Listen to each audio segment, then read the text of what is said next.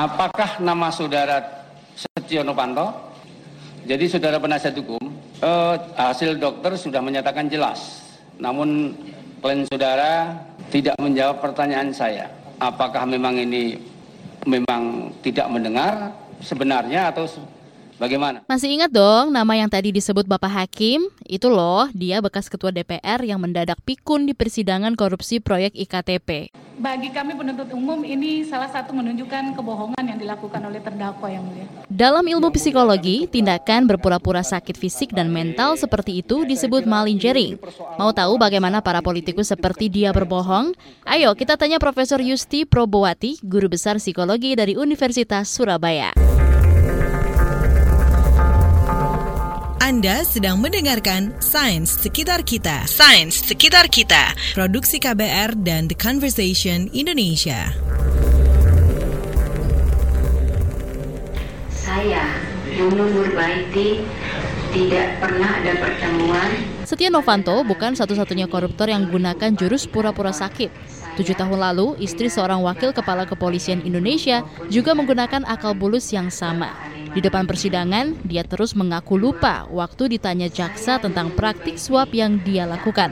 Tapi drama itu berakhir ketika Profesor Yusti datang membantu KPK membongkar triknya. Yang lucu tuh pada kasus ibu yang berbohong, yang selalu mengatakan lupa itu dia nggak mau dites juga sama psikolog gitu pada saat kami datang gitu nggak nggak mau dites. Akhirnya kami melakukan observasi lewat eh, monitor CCTV dari eh, ruangan monitor di KPK terus kami ngelihat proses ketika dia dilakukan penyidikan gitu ya. Dari jam 9 sampai jam 12 ternyata dia juga susah tuh bohong terus menerus gitu ya. Kadang dia lupa gitu ya. Kalau dia harus pura-pura lupa gitu ya. Jadi itu kan nggak gampang gitu untuk memainkan proses tersebut. Telah terjadi aksi kekerasan, suatu penganiayaan terhadap Ibu Ratna Sarumpait. E, mengalami pusing dan sebagainya, kesakitan yang luar biasa, ya karena penganiayaan itu dilakukan e, oleh mungkin dua atau tiga orang laki-laki. Menurut saya itu biadab itu, ya. Itu polisi harus cepat tuh nyari orangnya itu, ambil segera CCTV-nya, kejar orangnya, siapa orangnya itu. Nah, kebohongan ini juga gak kalah heboh. Jagat politik Indonesia sempat geger. Orang biasa sampai politikus kawakan kena tipu-tipunya. Profesor Yusti bilang kebohongan ini bisa mengecoh banyak orang gara-gara pelakunya terbiasa bersandiwara di depan kamera. Kalau orang bicara di media itu kan eh, banyak lapisan yang membuat dia menutupi dirinya gitu ya, yang agak susah untuk di ditampilkan. Kita nggak bisa menilai itu hanya berdasarkan apa yang muncul di media gitu ya. Tapi orang pasti secara umum pingin kelihatan impresi bahwa dia baik gitu ya. Semua orang kalau itu. Jadi kita yang kita lihat di layar televisi itu kan hanya potongan scene yang seberapa muncul. Jadi tidak ada penganiayaan.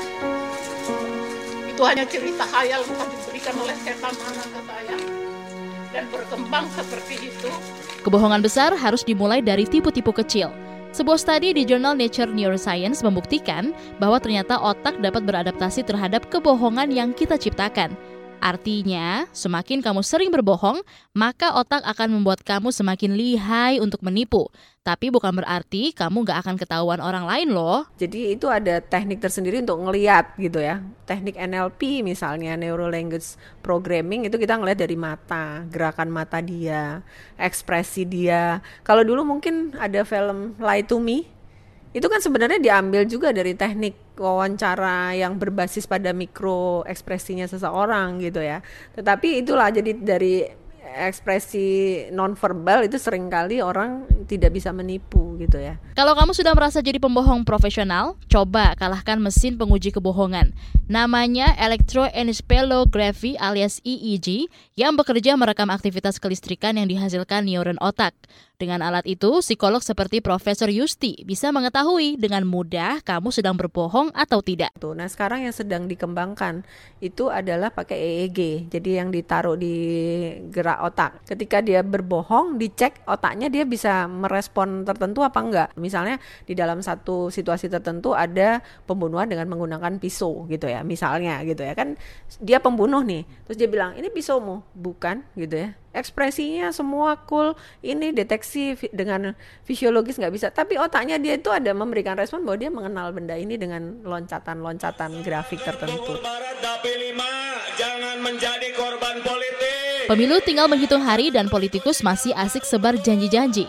Kita, pemilih harus lebih jeli mencermati para kandidat. Jangan tertipu memilih koruptor yang tanpa malu mencoba balik lagi ke panggung politik. Jangan berpikir bahwa lapas itu memberikan efek jerah. Ya bagi sebagian orang iya gitu ya.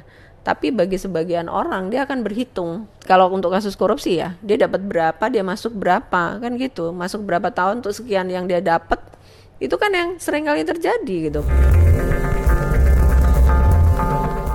Sains Sekitar Kita. Sains Sekitar Kita. Produksi KBR dan The Conversation Indonesia.